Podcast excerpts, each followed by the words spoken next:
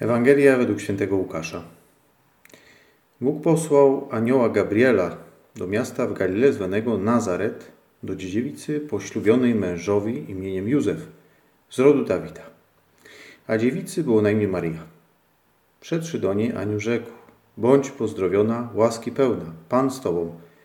Błogosławiona jesteś między niewiastami. Ona zmieszała się na słowa i rozważała, co miało oznaczać to pozdrowienie. Lecz anioł rzekł do niej, nie bój się, Maryjo, znalazłeś bowiem łaskę u Boga. Oto poczniesz i porodzisz syna, któremu nadasz imię Jezus.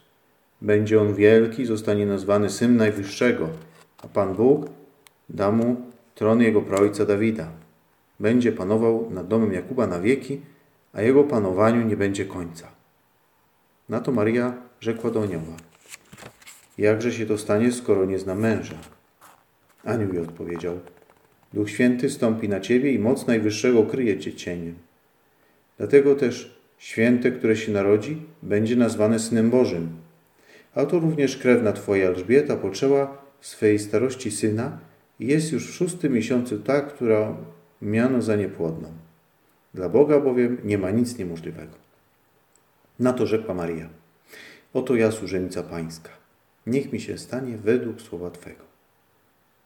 Wtedy odszedł od niej anioł. Dziś świętujemy uroczystość zwiastowania Najświętszej Marii Panny. Ewangelia, którą przed chwilą słyszeliśmy, opisuje scenę, którą często sobie przywołujemy, przypominamy. Za każdym razem, gdy modlimy się Zdrowaś Mario, gdy modlimy się szczególnie modlitwą Anioł Pański. Wspominamy właśnie tą chwilę, gdy Bóg posłał anioła Gabriela do Maryi.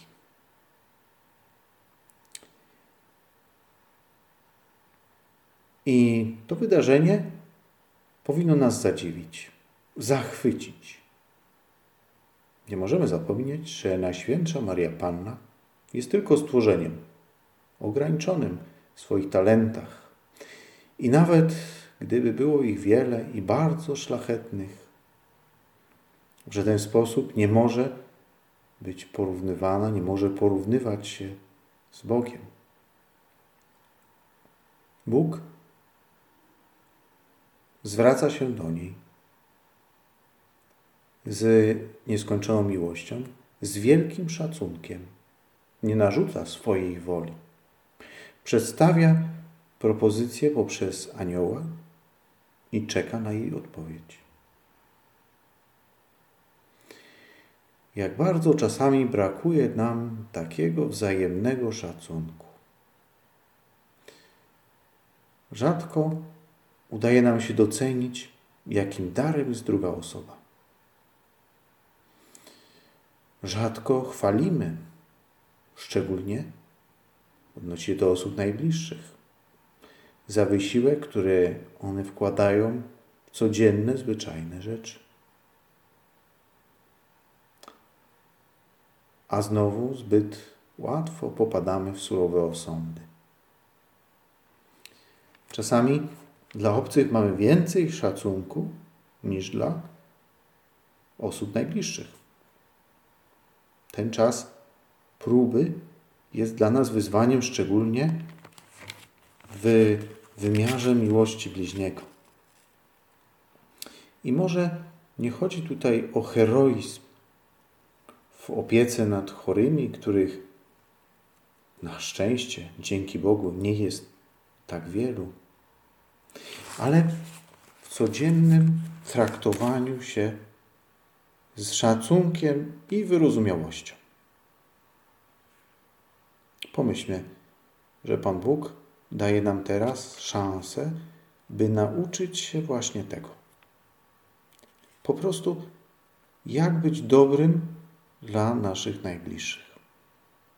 Jak patrzeć na nich w sposób pozytywny, bez krytyki. Słuchać ich, doceniając ich obecność, ich poświęcenie i nauczyć się że wszystkie talenty, które oni posiadają, są również, są również dla nas. Mamy teraz czas, by patrzeć, przyglądać się właśnie w ten sposób doceniający, pełen szacunku. Oczywiście te osoby nie są idealne i nie możemy ich od nich tego oczekiwać, ale niosą w sobie to dobro, który jest prawdziwym darem Bożym.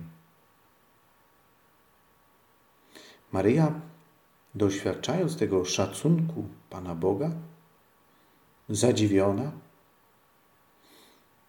zachwycona delikatnością Pana Boga, poczuła w swoim sercu głęboki pokój. I odkryła, jak bardzo Pan Bóg ją kocha. Dlatego jej odpowiedź na Bożą miłość to niech mi się stanie jest pełna radości, pełna zaufania. Ona wie, że ta miłość, nieskończona miłość Boża, będzie jej towarzyszyć we wszystkich wydarzeniach, które mogą, mogą ją spotkać. Nasz szacunek do bliźnich, nasz szacunek do najbliższych, nasza wyrozumiałość.